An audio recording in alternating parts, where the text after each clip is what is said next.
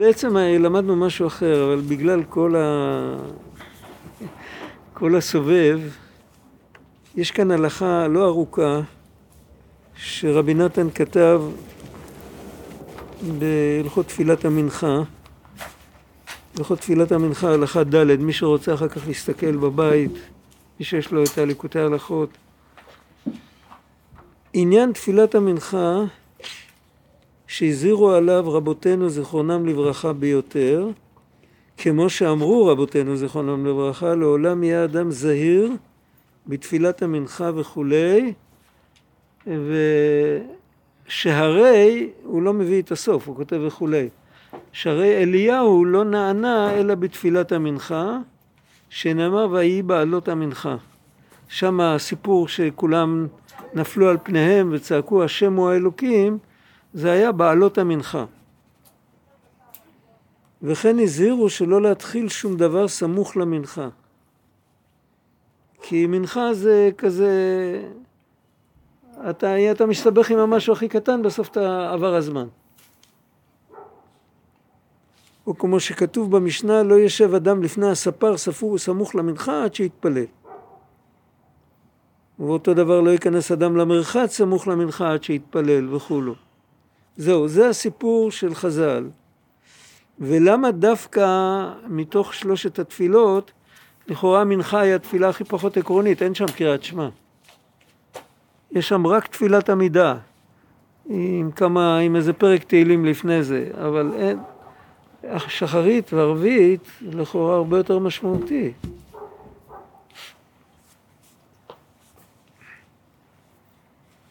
על פי המאמר, ויאמר השם אל משה בוא אל פרעה,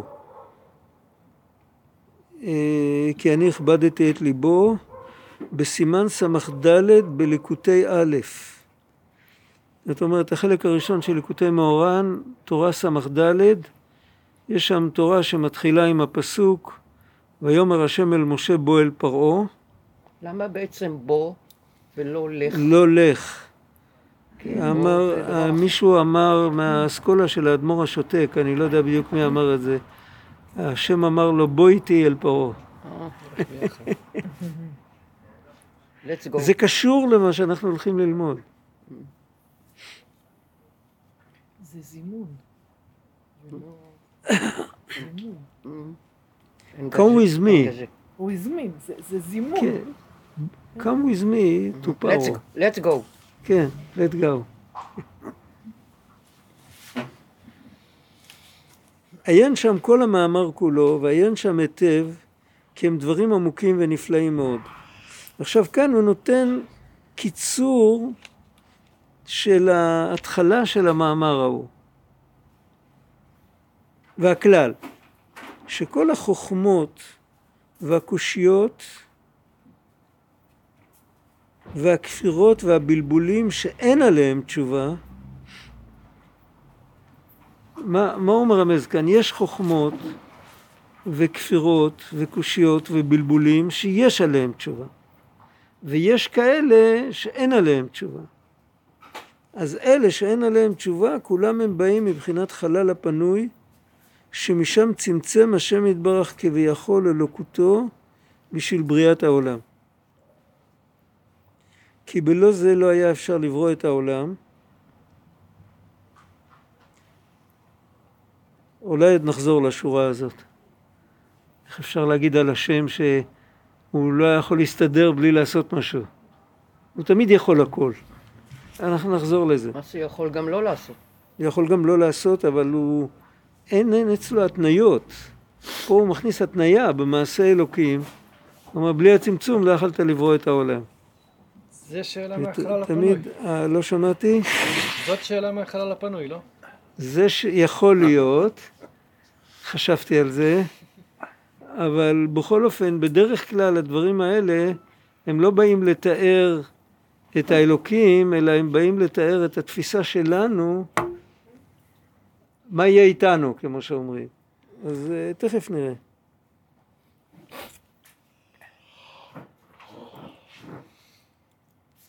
כי הכל היה אחד.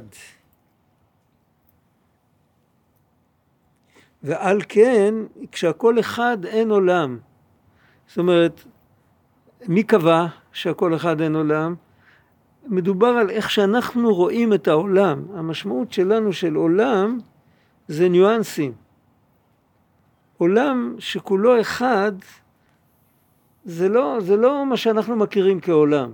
ודבר כזה, כדי שיהיה עולם עם ניואנסים, עם, עם איכויות שונות, חייב להיות צמצום. ועל כן, מאחר שאלו החקירות והקושיות באים מבחינה זו, דהיינו מבחינת חלל הפנוי, שמשם צמצם את, אלוקו, את אלוקותו יתברך כביכול, זה חלל פנוי תודעתי. זה חלל פנוי מ... מהכל. זה ריק תודעתי, חושך גמור. זה גם ייאוש גמור, זה גם...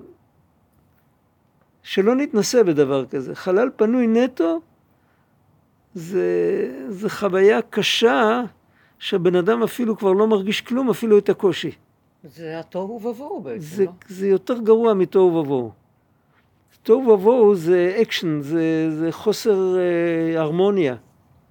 וכאן זה כאילו כלום. זה, זה דבר שמאוד קשה, מאוד קשה לדבר עליו. ואם משם מגיע איזה קושייה, אז זאת אומרת שכמו שצריך את, ה, את החושך הזה לפני בריאת העולם, בהמשך הוא יסביר את הכל, אנחנו עוד לא, אנחנו רק נוגעים בזה. אם צריך את החושך הזה כדי שהעולם יתקיים, אז כנראה צריך גם את הקושיות האלה. כי הקושיות האלה הם ענפים של אותו חושך. על כן בוודאי אי אפשר בשום אופן להבין אלו החקירות ולתרץ אלו הקושיות. כי אם כן, אם יבין אותם החקירות ויתרץ אלה הקושיות, אם כן ימצא שם גם כן את השם יתברך. יהיה לו איזושהי תובנה חיובית בתוך החושך הזה. ובאמת אי אפשר למצוא שם באלו החקירות והקושיות שבאים מהחלל הפנוי את השם יתברך, כי משם, היינו מבחינת החלל הפנוי, צמצם את אלוקותו יתברך כביכול בשביל בריאת העולם. כי בלא זה לא היה אפשר להיות בריאת העולם, כי הכל היה אינסוף כנזכר לעיל. כדרכו של רבי נתן, כדרכו של רבנו, הם בסוף הופכים את זה. אחרי כמה שורות הם אומרים, אבל תדע לך שבעצם גם בחושך יש את אלוקים. אבל הדרך של להסביר את העניין, אז קודם כל תדע שהקדוש ברוך הוא העלים את הנוכחות שלו כדי לברוא את העולם, אז קודם כל הוא העלים את הנוכחות שלו עד הסוף, אחר כך הוא גילה משהו ועם המש הזה הוא ברא את העולם. מה קורה ברגע שהוא העלים את הכל ועדיין לא גילה משהו? שם הוא כביכול איננו.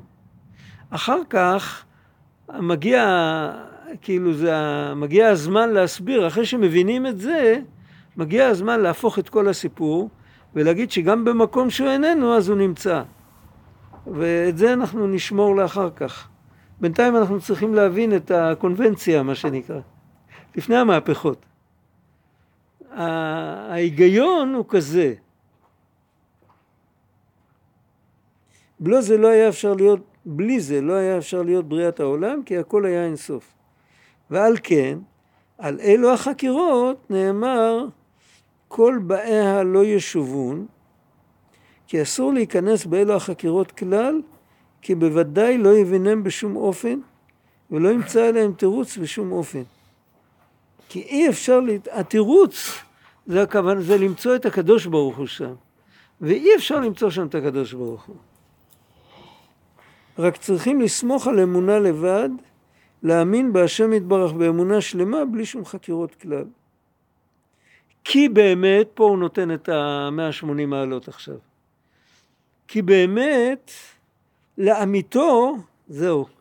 הוא מוסיף עוד מילה, יש את זה בכמה מקומות בליקוטי ההלכות, שהוא מסביר את הנושא של אמת ואמת לאמיתו, תמיד באמת לאמיתו, כל ההתניות מתפוגגות. אין שום התניה, גם ההתניה הזאת שאמרנו שבלי צמצום לא יכול להיות, בלי חלל פנוי לגמרי ובלי חושך לגמרי לא יכול להתחיל משהו חדש, גם ההתניה הזאת מתפרקת עכשיו. כי באמת לאמיתו בוודאי נמצא שם, נמצא שם השם יתברך גם כן, אפילו בבחינת הפנו, החלל הפנוי. כי בוודאי אין שום דבר בלעדי חיותו יתברך. רק שאי אפשר להבין זאת בשום אופן עד לעתיד לבוא. עכשיו, מה, במה הוא נוגע פה? בעצם הוא מזכיר את זה כמה מאמרים לפני זה, בתורה נ"ב, הוא מדבר למדנו את זה פעם, פה בעין כרם, תורה נ"ב, הוא מדבר על ההבדל בין מחויב המציאות לאפשרי המציאות. זה ביטוי של הרמב"ם, זה ביטוי של אברבנאל, אנחנו מכירים את זה, זה לא, זה לא ביטוי קבלי של חלל הפנוי וכל זה. המשמעות של אפשרי המציאות, באופן רשמי, איך שזה כתוב בספרים, האפשר, מה המשמעות של דבר שהוא אפשרי המציאות? שהוא יכול כן להיות והוא יכול גם לא להיות. כמו שאומרים, לא יקרה כלום אם הוא לא יהיה. זה נקרא אפשרי המציאות. עכשיו, בעומק יותר, אפשרי המציאות זה דבר שיש בו, זה איך בספרות זה נקרא עקב אכילס. זה כאילו המציאות שלו היא על קרעי תרנגולת. היא רק על צד אחד. זה כמו מטבע עם צד אחד. יש בזן, יש שאלה, איך נשמע מחיאת כפיים של יד אחת. כן, זה, זה, זה, זה רעיון עמוק, זה כאילו, כל העולם כולו זה כאילו המון רעש, אבל זה רק על צד שהעולם קיים. תיאורטית, כל זה יכול גם לא להיות. בהחלט. אז אם כן, מה המשמעות של מחויב המציאות לפי זה? מחויב המציאות זה שאיך שלא תהפוך את זה, גם לכאן וגם לכאן, גם לחיוב וגם לשלילה, גם כשהוא נמצא וגם כשהוא לא נמצא, הוא תמיד קיים והווה. זה, זה אפשרות, אין לנו אפשרות אינטלקטואלית לחלק בין נמצא לקיים או בין קיים להווה. האפשרות נמצאת בלב שלנו. בלב אנחנו יודעים שהוויה זה הרבה יותר מאשר קיום. גם קיום זה הרבה יותר מאשר מציאות. והוויה זה הרבה יותר עמוק מאשר קיום. ולכן אנחנו קוראים לבורא בשם הוויה, לא בסטנדרט אנחנו קוראים לו הוויה בגלל שהוא נותן לנו את ההוויה שלנו. הוא מהווה את הכל. אבל בעומק אנחנו קוראים לו הוויה בגלל שהוא הווה, אנחנו לא יכולים להגיד עליו הוא כן נמצא או לא נמצא, אבל הוא הווה. להימצא, אם הוא רוצה הוא יימצא. הוא יתגלה בצורה כזאת שנגיד, אה, ah, הוא נמצא. אם הוא רוצה הוא נעלם, ואז אנחנו נגיד הוא לא נמצא. אבל ההוויה תמיד קיימת, גם בתוך הלא היא גם קיימת. וזה לא דבר שכאילו ברמה של ההתפתחות האנושית של ימינו, זה לא דבר שאנחנו יכולים להכיל אותו. לעתיד לבוא כתוב נגלה כבוד השם, אז uh, אנחנו נעבור, uh, כאילו נתפתח, ניפתח. ואז אנחנו נוכל, יהיה לנו מוח שיבין את הדברים האלה. היום אנחנו לא יכולים להבין את הדברים האלה, אבל אנחנו משוכנעים בלב לגמרי, שלא משנה מה שלא יהיה, איך אמרנו, ראו אתה כי אני אני הוא, אני השם אלוקיכם. אני תמיד נשאר אני. או שאני קיים, או שאני לא קיים, אבל אני לא קיים. מי זה שאומר אני לא קיים? אני. זאת אומרת שגם אצלנו, שאנחנו סך הכל חלק אלוקה, יש נקודה כזאת שהיא לעולם לא הולכת לאיבוד. לאן שתיקח אותנו, הנקודה הזאת תמיד קיימת. בחיינו, במותנו, ב- ב- בחיובנו, בשלילתנו, תמיד נשאר. המקור של כל הדברים האלה הוא ודאי תמיד, אה, המילה תמיד היא בנאלית כי זה למעלה מהזמן, ו... אבל זה השפה שלנו, אין לנו, אין לנו אפשרות אחרת.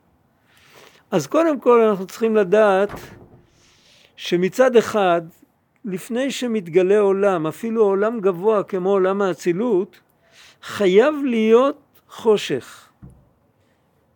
ויש לזה כמה סיבות, תכף נראה. ומצד שני צריך לדעת שגם בתוך החושך, ואפילו בתוך החושך המוחלט, ארי הקדוש כותב על ה... על ה הוא לא כותב, רבי חיים ויטל כתב את זה, ארי לימד את זה. הם, הם אומרים על הצמצום הראשון, על החלל הפנוי, הם לא קוראים לזה צמצום, קוראים לזה סילוק. סילוק זה מילה הרבה יותר טוטאלית מאשר צמצום. כאילו ואקום. יש פה ואקום תודעתי שפה אין כניסה ל... לאור האלוקי, לכוח האלוקי, לתודעה האלוקית, ושום דבר, לא נותנים שום דבר, אבל לעצם האלוקי הוא לא צריך לבקש רשות להיכנס, הוא תמיד נמצא, הוא עומד תמיד מאחורי כל תופעה. וזה, עוד פעם, זה עוד פעם תרגיל שקשה לנו לעשות, להבדיל בין האור לבין הכוח לבין התודעה מצד אחד, ובין העצם, בין הוא בעצמו. התודעה שלו, הוא מזרים אותה לאן שהוא רוצה, האור שלו, הכוח שלו, אבל הוא בעצמו תמיד, תמיד אמת. אה, זהו, זה, יש כמה פסוקים שמדברים על זה, בירמיהו יש, אולי זה פרק י', אולי י"א, אני לא זוכר, והשם אלוקים אמת הוא אלוקים חיים ומלך עולם. הרמב"ם, הוא היה אחד מאלה שטבע את הביטוי מחויב המציאות. הוא כותב בהלכות יסודי התורה, הוא כותב, הוא שאמר הכתוב השם אלוקים אמת, הוא לבדו האמת ואין לאחר אמת כאמיתו. האמת שלנו היא בתנאי שאנחנו בשטח. האמת שלו זה אפילו מתי שהוא לא בשטח. זה תמיד אמיתי. זה... המילה זה יכול להיות שהיא היא מרמזת. בשביל זה אמרנו זה אלי וענווהו. זה. זה שיוך, זה שיוך. כן. זה לשייך. זה.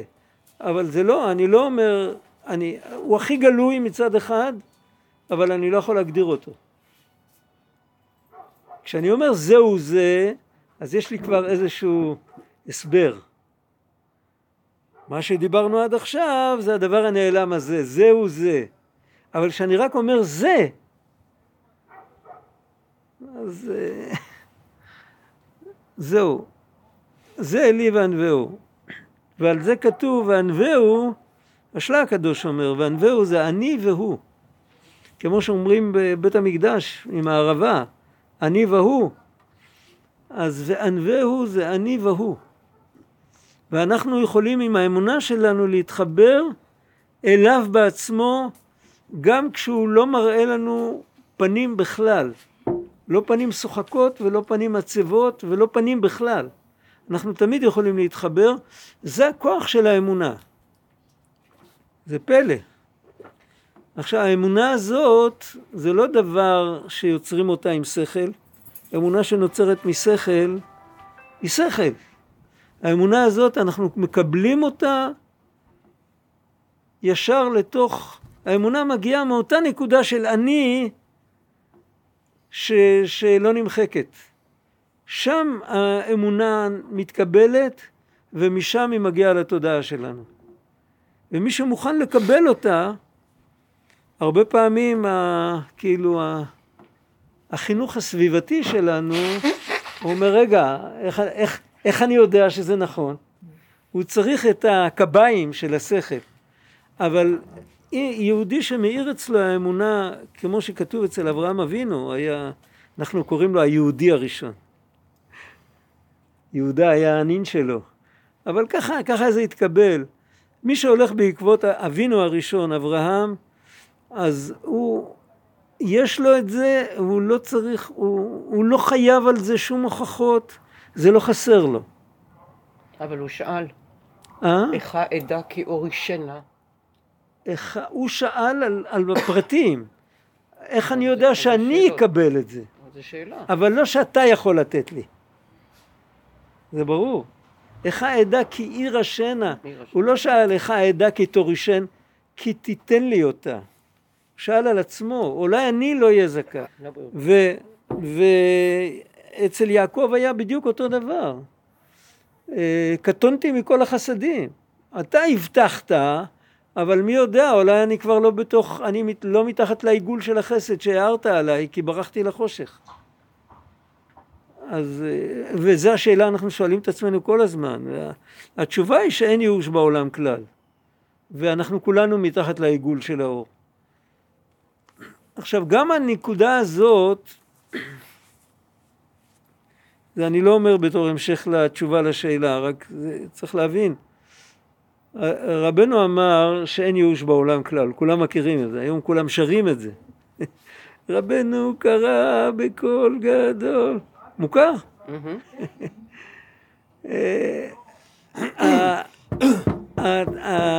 האמירה הזאת שאין ייאוש בעולם כלל, היא בעצם האמירה שלמדנו עכשיו. שאין, שהחלל הפנוי הוא מלא אלוקות. החלל הפנוי זה הייאוש. ואם גם שם מלא אלוקות, בצורה נסתרת, אז אין ייאוש. השאלה אם אנחנו רוצים להיות מתחת, איך אומרים, מתחת להווה אמינא או מתחת למסקנה. וזה יש לנו בחירה. אנחנו יכולים להיות פה ויכולים להיות שם. יכולים להיות ב, בהסתכלות השטחית ויכולים להיות ב, באמונה, בהסתכלות לעומק. אה, אז איך אנחנו יכולים להיות באמונה? אה, עוד פעם? איך אנחנו יכולים אה, לבחור באפשרות של להיות באמונה? שמעת על ימי מאביטל. בטח. היא לימדה אנשים להקשיב לעצמם. וזה היה פלא. אנשים באו מכל מיני מקומות, ואחרי שהם אה, ישבו אצלה והקשיבו לה, והם התחילו להקשיב לעצמם, הם התחילו, הם, הם, הם פשוט עברו תהליך רוחני כל כך עמוק, שהם הם היו, הם היו בדבקות. אני הכרתי יהודים כאלה. אני מכיר יהודים כאלה. הם בדבקות, אני מסתכל על האנשים האלה איך הם מתפללים. הם לא התפללו בכלל, הם לא היה להם למי להתפלל. אבל כי בעצם הנקודה הזאת כבר נמצאת.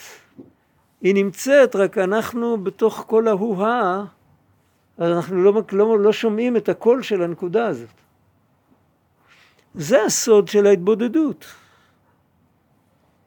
זה עוד פעם, זה הכל, הכל מסביב מסביב לאותה, לאותה נקודה. רבנו כותב שם בתורה ס"ד למה בני ישראל נקראים עיוורים בעבר הנהר ישבו אבותיכם, הנהר זה השכל, בעבר הנהר זה מעבר לשכל. היהודי, אם הוא הולך בדרכי אבותיו, הוא יכול לעבור אה, את החושך של החלל הפנוי ולהתחבר למה שיש בפנים על ידי אמונה. גם חושך לא יחשיך ממכה.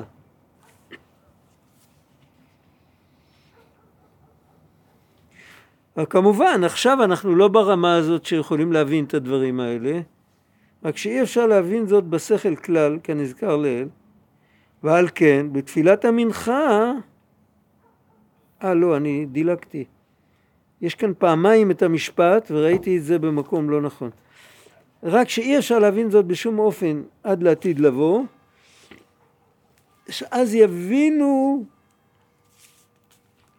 בחינת הצמצום של החלל הפנוי, איך שצמצם, זאת אומרת איך שסילק כביכול את זיו אלוקותו משם, ואף על פי כן הוא יתברך נמצא שם. אבל בעולם הזה אי אפשר להבין זאת כלל. רק צריכים לסמוך רק על אמונה לבד, או הנה כאן הוא מביא את זה, בשביל זה נקראים ישראל עבריים, על שם שיש להם אמונה וכולי, עיין שם.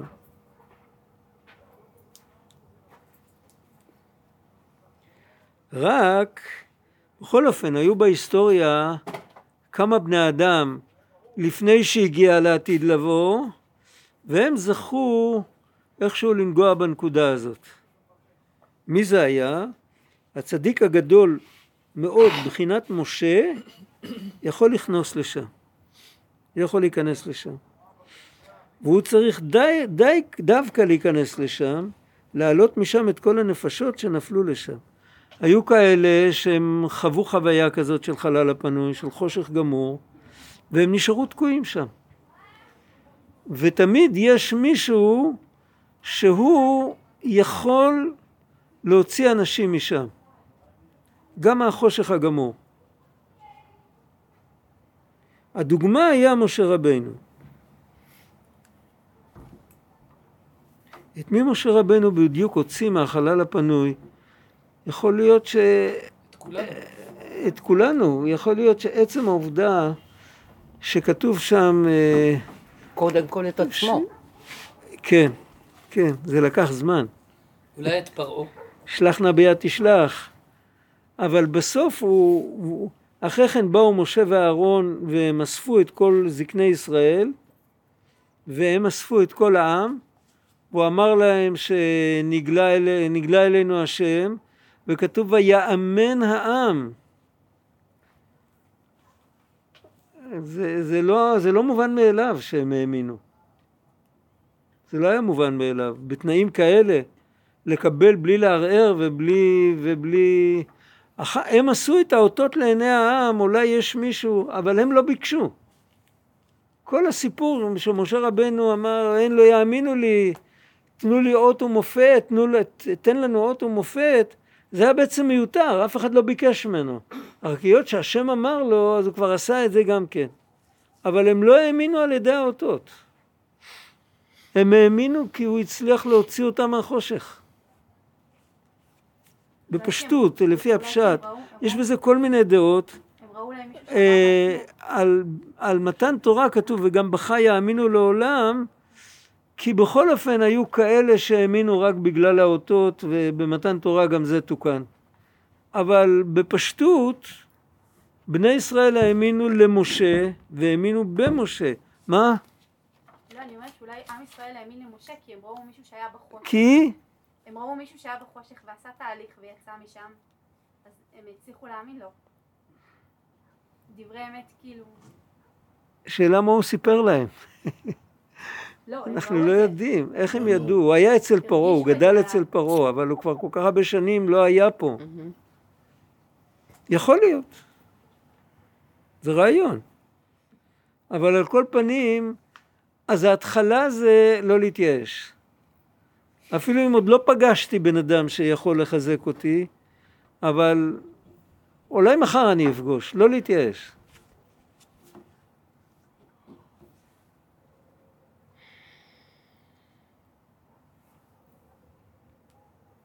עכשיו, איך הוא מרים את האנשים?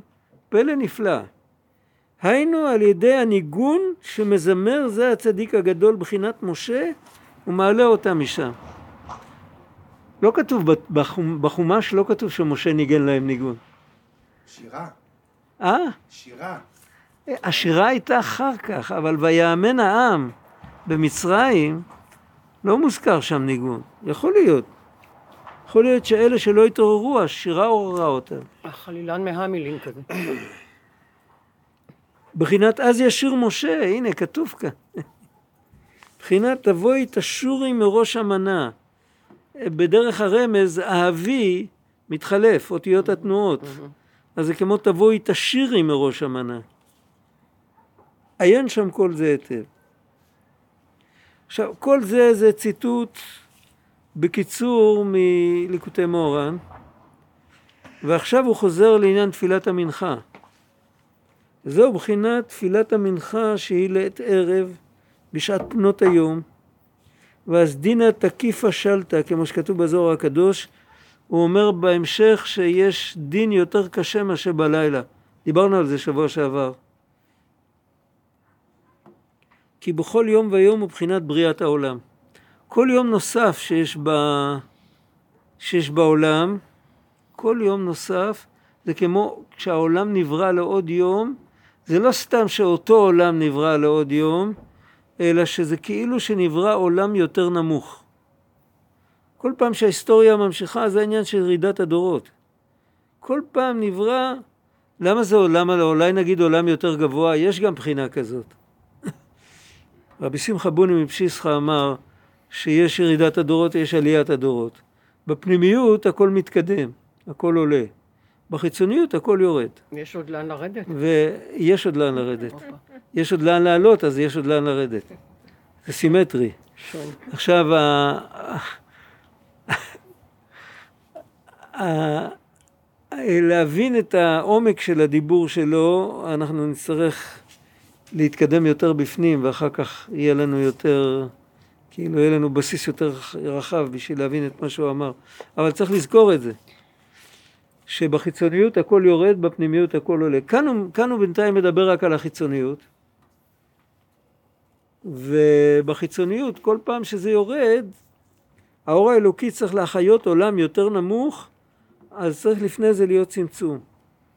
בין עולם לעולם חייב להיות צמצום. צריך עוד, עוד לא הסברנו למה כל כך. וכל יום ויום הוא בחינת מידה בפני עצמה, שם בחינת, בחינת בריאת העולם, בחינת התגלות הימים והמידות. כל יום זה קומפוזיציה אחרת של התקללות של ספירות. האלף הראשון זה חסד, האלף השני זה גבורה. המאה הראשונה של האלף הראשון זה חוכמה. יש, יש עשר ספירות. אותו דבר האלף השני. עכשיו כל עשירייה של שנים זה עוד פעם עשר. כל שנה זה י"ב גבולי אלכסון, זה... כל חודש זה ארבע צירופים של שם הוויה, וכל שבע זה עוד פעם שבע ספירות, כל שבוע. וכל שעה, עוד פעם, זה יש י"ב שעות היום וי"ב שעות הלילה, זה עוד פעם י"ב גבולי אלכסון, זה התקללות של ספירות. זה הסוד של י"ב חודשים וי"ב שבטים. אה, בספר יצירה הוא מדבר על זה הרבה, על המספר י"ב.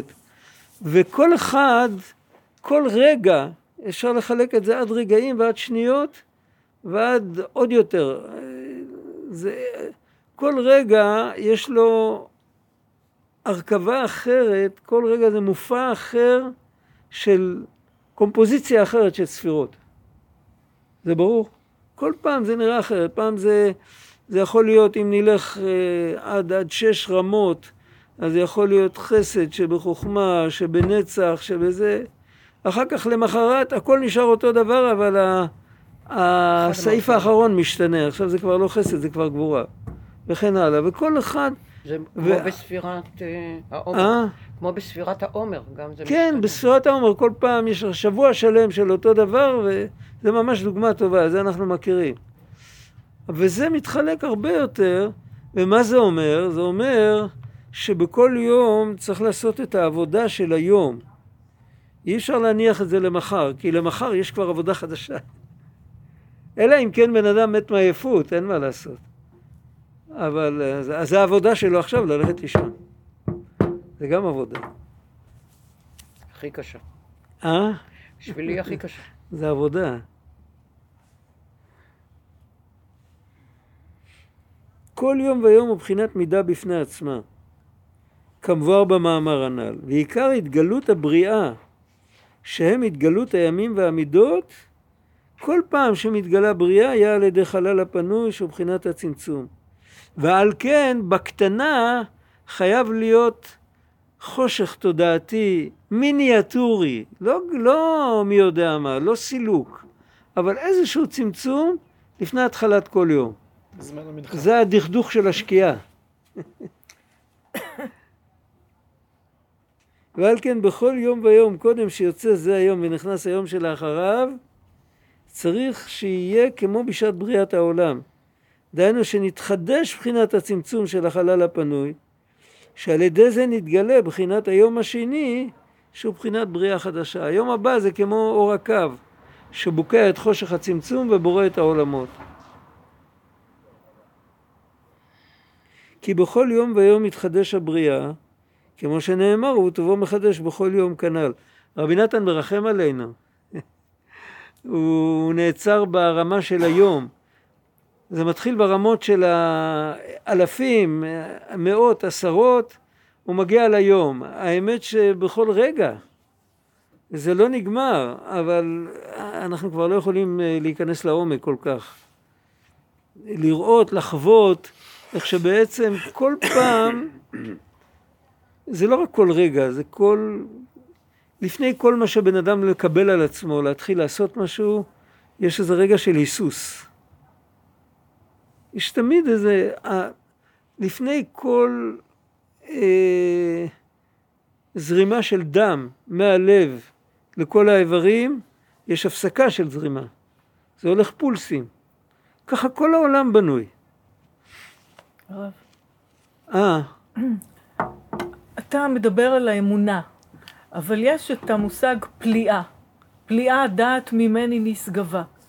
שהיא כמו לך לך. היא איזשהו... מה זה פליאה? איך אנחנו יכולים להבין את המושג הזה בכלל?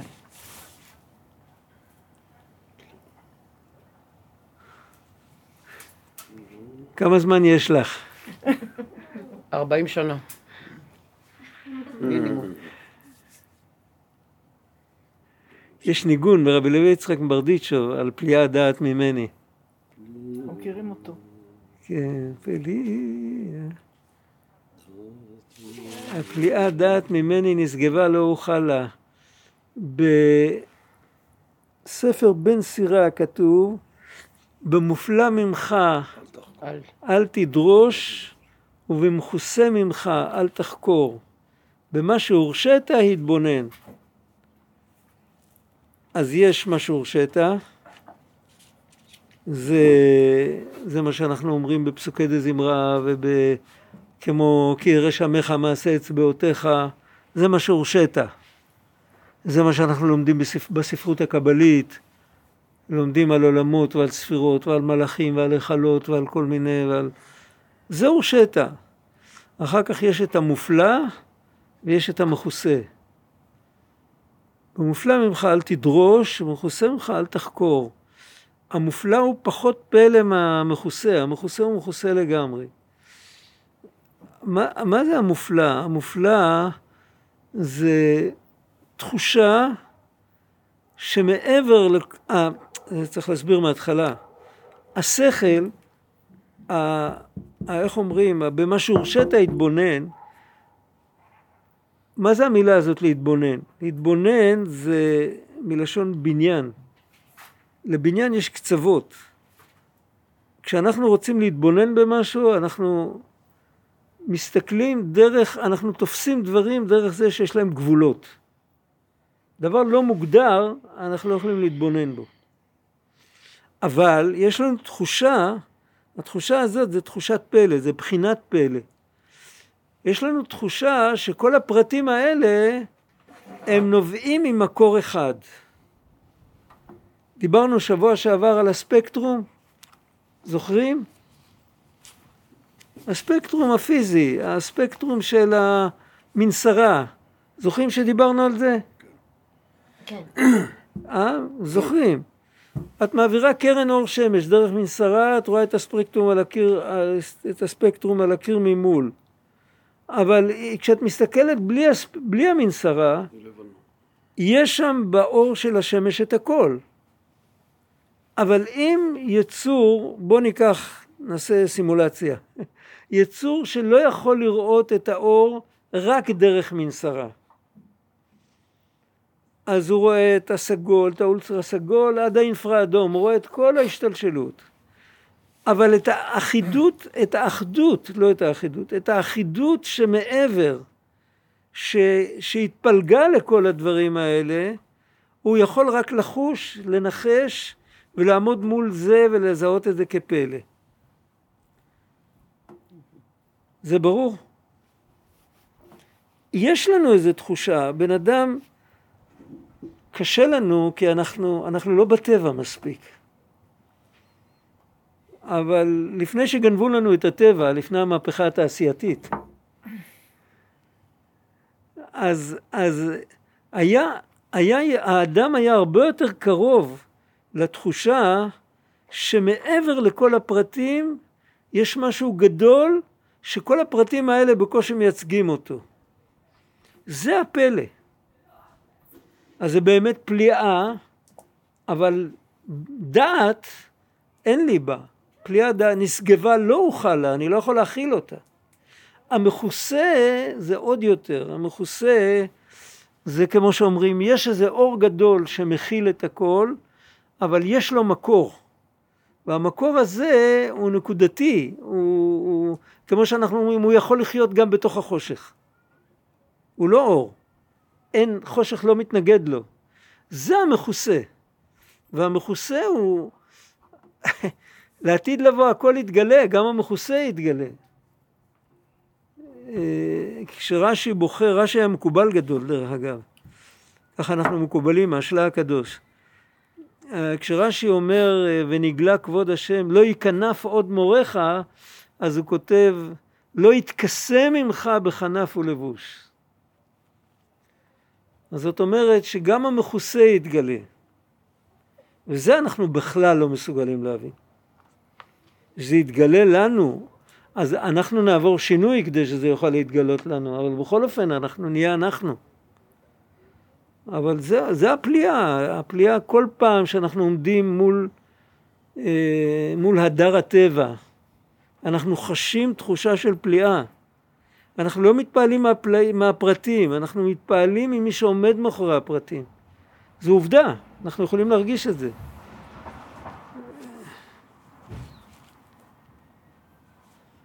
יש, היה איזה סופר שכתב פעם אה, על ילד שגודל אצל הסבתא.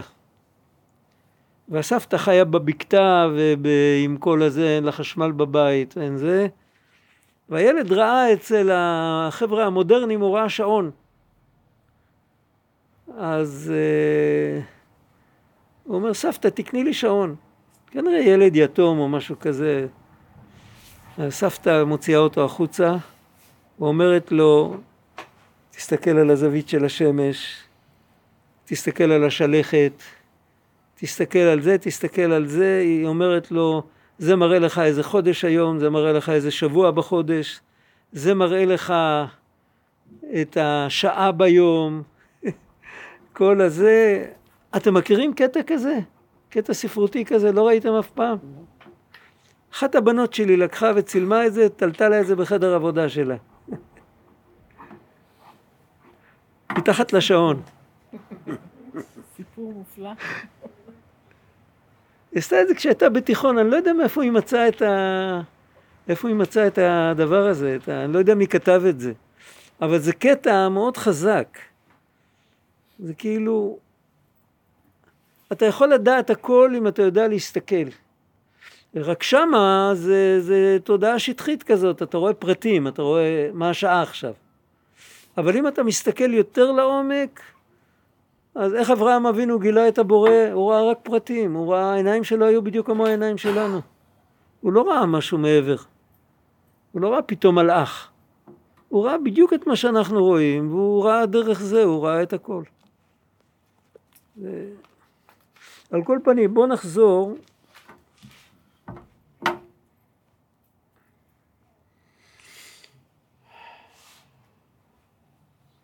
על כן, בכל יום ויום, קודם שיוצא זה היום ונכנס היום שלאחריו, צריך שיהיה כמו בשעת בריאת העולם. יש קטע כזה בסיפורי מעשיות, שהיום והלילה, כשהם באים להיפרד אחד מהשני, כשהיום הולך להיפרד מהלילה, הלילה מגיע והיום הולך, אז הם, הם שרים שירי געגועים אחד לשני.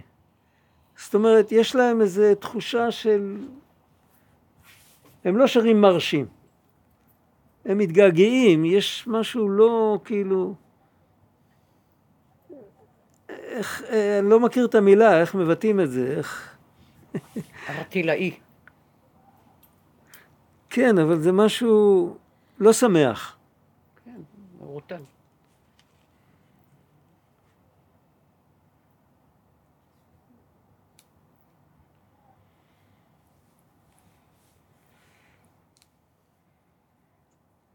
ועל כן בכל יום ויום הלילה קודמת ליום. כמו שכתוב ויהי ערב ויהי בוקר, וזה בחינת בריאת העולם, זה גמרא. הגמרא אומרת איך נברא העולם ברשע חשוכה והדר נהורה. וככה העולם מתנהל.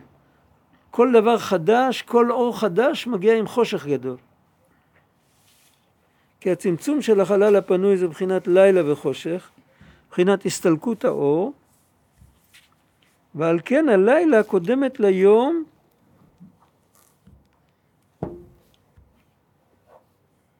כנזכר לעיל, כי בהכרח שיהיה הצמצום קודם הבריאה שהוא התגלות האור של הימים והמידות כי בלא זה אי אפשר לברוא את העולם כנזכר לעיל. פה צריך לעצור ולהסביר. יש כאן, יש איזה שתי סיבות.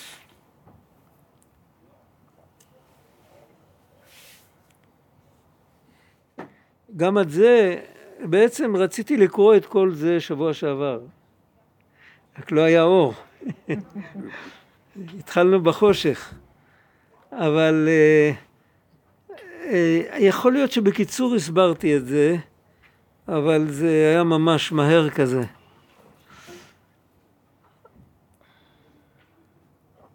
היו כאלה, זה הסיפור של יתרו. יתרו אמר, אתה ידעתי כי גדול השם מכל האלוהים, אתה ידעתי, וחז"ל למדו מזה שני דברים. קודם כל, שהוא הכיר את כל האלוהים, מלמד שלא הניח יתרו עבודה זרה שלא עבדה. הוא היה המאסטר של כל, כל מה שזז. את כולם, הוא, הוא, הוא התנסה, הוא התנסה בחוויה של כל אלילות שהוא ידע ממנה. ועכשיו בחסידות כתוב שלמה הוא, למה הוא כל הזמן החליף? כי, כי הוא כל הזמן, הוא בעצם הוא עבר תהליך דומה לאברהם אבינו, אבל עם טעות קטנה. הוא כל פעם מתפכח מאליל מסוים, ואז הוא תלה תקווה באליל יותר מופשט. אליל הרי לא חייב להיות דווקא פסל. אה, משהו מוגדר. כל אידאה יכולה להיות אליל. שמחה יכולה להיות אליל, אכזריות יכולה להיות אליל, כל דבר יכול להיות אליל. האידאות הן בעצם, האידאות אצל היוונים, היופי. זה בעצם, זה בעצם היה, היה גם דמות שסימלה את האידאה ש, שהקריבו לה קורבנות. ולכל דבר היה אידאה, היה אידאה של סוסיות, של חמוריות, של... אפילו ספורט היה שם של אליל. זה היה אידאה של הכוח. אז אה, כל פעם, בהתחלה הוא כנראה עבד משהו פרימיטיבי, ואחר כך הוא כל פעם, כל פעם הוא זרק, והוא, והוא התקדם, והוא הלך למשהו יותר, יותר רוחני, יותר מופשט. אבל מה היה הטעות שלו? שכל פעם שהוא הגיע למשהו יותר מופשט, הוא חשב, כל מה שהיה עד עכשיו היה טעות, אבל זה האמת. עד שהוא הגיע למתן תורה. כשהגיע למתן תורה, אז אמר, אתה ידעתי כי גדול השם מכל האלוהים, מכל מה שאני מכיר ומכל מה שאני אכיר בעתיד. הוא מעבר לכל מה שאני מסוגל להכיר, לא רק לכל מה שהכרתי. וזה היה, זה היה ההתגיירות שלו. הוא, אז הוא קיבל את התפיסה של משה רבנו. הוא הכיר את משה רבנו כל כך הרבה שנים. יכול להיות שזה היה הזרז שלו להתקדם כל פעם. אבל את התפיסה של משה רבנו הוא לא סיגל לעצמו. התפיסה של משה רבנו זה, איך אומרים, נשגב השם לבדו, אה, לית מחשבה תפיסה ב. ואת זה הוא קיבל כשהוא הגיע למתן תורה. על זה חז"ל קראו לזה שיתרו התגייר. עדיין אין ילדים בשם יתרו. לא קוראים לילדים יהודים בשם יתרו, למה? אצל ה... בדברי הימים, אם אצל יש לך, הדרוזים יש. תנסי למצוא באינטרנט יש חובב. שם דומה, יתר אולי, חובב זה אחד יש. יתר הישמעאלי בדברי הימים, זה יהודי שחי בין בני ישמעאל. הוא היה יתר. ויתר חותנו מוזכר גם על יתרו. יתרו עם ו' אני לא זוכר. אבל בדברי הימים יש כל מיני שמות. אל יהו עיניי, שמעת פעם שם כזה? האל שקוראים לו י"ק ו"ק הוא העיניים שלי. נפלא. אף אחד לא. נותן שם כזה היום. אה? אה, זה כמו יתרו באמת. בזמן המשנה היה שם כזה. יש היום ילד, איש, קוראים לו יתרו. איפה? לרב דרוקמן יש בן מאומץ שקוראים לו יתרו. למי? לרב דרוקמן פעם כן? ראשונה. למי? למי? הרב דרוקמן. הרב דרוקמן. הוא הרב אימץ דרוק- ילד שהיום כבר מבוגר, קוראים לו יתרו. מי נתן לו את השם? לא יודע. הוא. קיבל אותו עם השם או שהוא... זה אני, אולי אפילו הוא גאה, אני לא בטוח שהוא יהודי. אה. כבר, הוא יהודי היום, אבל אני חושב שהוא התגייר. אה, הוא גר. אני חושב, אני לא בטוח. כן, גרים אוהבים שמות כמו רות, כמו... רות הייתה גיורת. הרב, משה רבנו נפטר בשעת המנחה? בשבת במנחה, וגם יוסף וגם דוד. אז אולי זה קשור אלינו שהוא עשה את זה התיקון קשור, הזה של קשור הזמן מאוד. הזה. קשור מאוד. למה? קשור מאוד לזה שבמנחה האור מסתלק. גם בשבת במנחה מרגישים דכדוך עוד יותר גדול. ומצד שני, זה העת רצון הכי... בקוצק היו אומרים, בפשיסחה יותר נכון, מהי השעה האחת של תשובה ומעשים טובים בעולם הזה, שיותר גדול, אה, שווה יותר מכל העולם הבא? זה השעה שבין מנחת שבת למוצאי שבת. סעודה שלישית. ובקוצק היו, זה היה זמן של אה, יישוב הדעת. היו יושבים, מנגנים, אבל אה, כל אחד היה תפוס במחשבות שלו. כאילו, סוג של תפילת נעילה כזאת. עכשיו, מהי מהי הטעות של יתרו? הטעות של יתרו הייתה שהוא גילה משהו מאוד מאוד ענק ומופשט, אז הוא חשב שזה האלוקים. את הסוד של הצמצום של החלל הפנוי הוא לא ידע. הוא התפ- הוא התפתח לבד בעצם. כן. ב... לא היה לא, לו הוא לא קיבל- סימוכין או... הוא לא קיבל. עכשיו הוא... גם ב- בעצם בלעם גם הגיע לרמות... כן, אבל מאוד אצל בלעם היה סיפור אחר. אבל הוא הגיע גם כן לרמות... אה, כן, אבל הוא נשאר ברמות לא, לא, בניו- לא מוסריות לגמרי. בניו של יתרו היו בלשכת הגזית. לבלעם היה השקפת עולם שאלוקים ברא את העולם ואתה יכול לרצות משהו מאוד חזק והוא יעזור לך כל מה שאתה רוצה. אפילו אם זה רע גמור. זה היה השקפת עולם שלו. הוא לא הצליח בזה הרי. לא, הוא הצליח. לצורך. הבחירה, בסוף הוא נהרג. לצורך הבחירה, הקדוש ברוך הוא נותן צ'אנס לאנשים שחושבים ככה. אבל זה לא מחזיק לעולם. זה מתפוגג. אה, מי שהיה חזק בדבר הזה היה לנין וטרוצקי וכל אלה, היה להם, הם היו דבוקים במחשבה, מחשבה מאוד חזקה, הם מאוד האמינו ב- בתזה שלהם. הם הצליחו להחזיק 200 מיליון איש 70 שנה מתחת למגף. הקדוש ברוך הוא נתן להם את הכוח. אבל מה בסוף? זה, זה, זה התנפץ כמו בלון נפוח בלי אף ירייה אחת. בגלל שזה לא אמת. רבי נתן כותב את זה בהלכה אחרת. זה בהלכות ברכות השחר, הלכה ה', בין פרק פ' לפרק פ"ה. זה הלכה עם מאה פרקים. שם אפשר לראות תיאור של בלק ובלעם והאתון, וזה מרתק, חבל על הזמן. אבל על כל פנים, מה הוא לא הבין? הוא לא הבין שיש תהום שצריך לעבור אותו. הוא לא הבין את העברי שצריך לעבור. הוא חשב שזה עלייה חלקה. עלייה חלקה, אני אתפתח עוד קצת, אה, בסוף אני אגיע. זה אלוקים שהתודעה שלנו יוצרת אותו, את האלוקים הזה אני יכול, אני יכול להבין. האלוקים האמיתי שהוא יצר אותי, או בוא נגיד את זה אחרת, שבוע שעבר הזכרתי את זה. את שאלת, אני לא זוכר. שאלוקים הוא אף בשום אופן לא נקודה בתודעה שלי, תמיד אני נקודה בתודעה שלו. את האלוקים הזה אי אפשר לה, להכיר בצורה של עלייה חלקה. כי תמיד אני מדבר על אלוקים שהוא נקודה בתודעה שלי, אני מגדיל את הנקודה הזאת. אתמול הוא היה קטן, היום אני מבין שהוא ענק. אבל הוא תמיד נקודה בתודעה שלי. אין שם את התהום שבאמצע. זה היה הטעות שלו. עכשיו, זה יכול להיות גם, לא, לא צריך להיות דווקא אצל יתרו שהיה כומר לעבודה זרה וכל זה. זה יכול להיות אצל כל אחד מאיתנו, שלפעמים בן אדם מגיע להשגה מאוד מאוד עליונה, ודווקא החושך שהוא חוטף, מראה לו שהוא לא הגיע עדיין לאמת.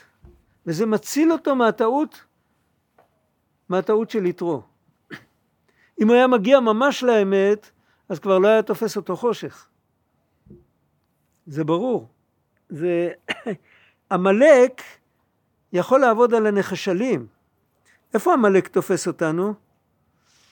אה, כשאנחנו בספק. מתמודדים, אז הוא לא נותן לנו להתמודד. אם כבר גמרנו את ההתמודדות, זה מאוד נדיר. בדרך כלל זה קורה בעולם העליון.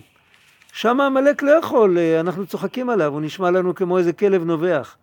הכלב נובח והשיירה ממשיכה.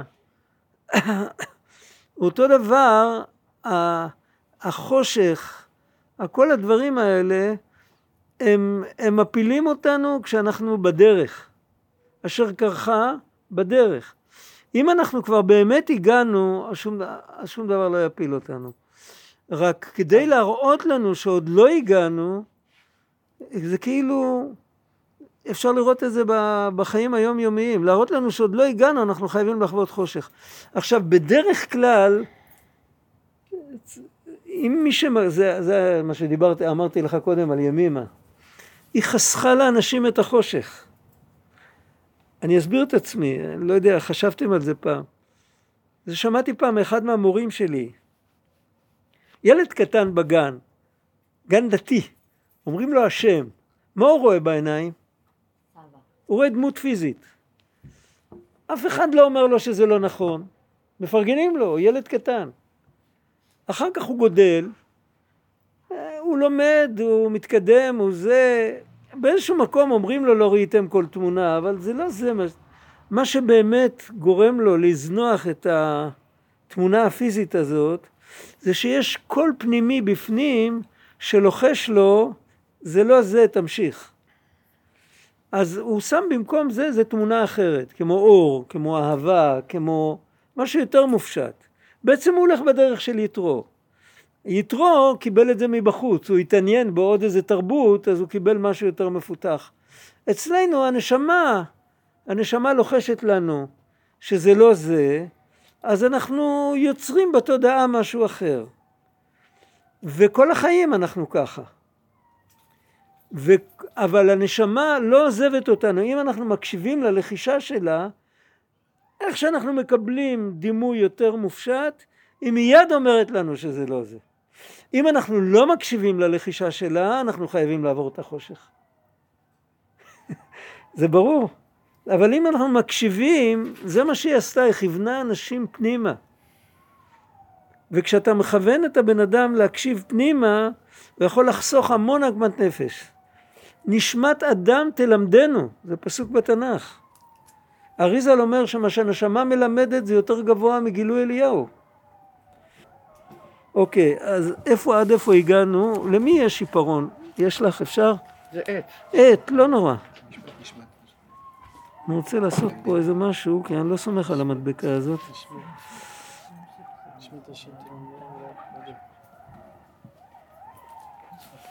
זה סיבה אחת. סיבה שנייה היא סיבה הרבה יותר פשוטה, שבלי צמצום אי אפשר לקבל את האור, כי האור רב מדי. זו הסיבה הקלאסית שהמקובלים נותנים. כאן הוא מדבר על שניהם ביחד. אה, עוד, איך עוד נחזור מסבירים לזה. את זה כן. שהעגל נעשה כן. אחרי גילוי אור ענק. נכון, בעצם, נכון, נכון, ונפילה נכון. שאין כמוה. נכון, נכון, אז איך? בדיוק השבוע, בדיוק ראיתי את זה, אני צריך להסתכל שם עוד פעם. ראיתי את זה בספר תורה אור של בעל התניא, אבל אני לא זוכר אם זה היה במאמרים של שבוע שעבר, מה היה שבוע שעבר, פרשת וירא, או שזה היה במאמרים של חנוכה. הכלים לא מוכנים לקלוט את האור. הכלים לא היו מוכנים. אז זה כמו לא שבירת? הכלים. כן, ה- זה ממש ככה. זה כמו חטא אדם הראשון וכמו שבירת הכלים. הם לא היו יכולים שמעתי פעם את הרבי אומר בתור פליטת פה, חטא עץ העגל. יפה. בגלל שבפנימיות זה באמת אותו תופעה. נכון, זה וריאציה, זה זה. וריאציה שונה של אותה מנגינה. נכון. עכשיו, אני לא יודע כרגע להסביר את זה, אני אסתכל, שם כתוב משהו. מעניין. דרך כאילו. אגב, אבל זה שונה לגמרי. כי, כי חטא עץ הדת הוא, הוא, שהם היו אורות גדול, היה להם כלי ענק בעצם אז. הם היו צריכים לצמצם כן, אותו. היה בשביל- משהו שהם פספסו. היה משהו שהם פספסו. איפה? בחטא העגל? זה צריך, לא, ב- צריך, בעץ חטא עץ הדה, אכילה מעץ הדה. ב- ב- ב- ב- שבע וחמישה כבר, אוי אוי אוי. תודה רבה. אוי אוי אוי. קשה קצת היום.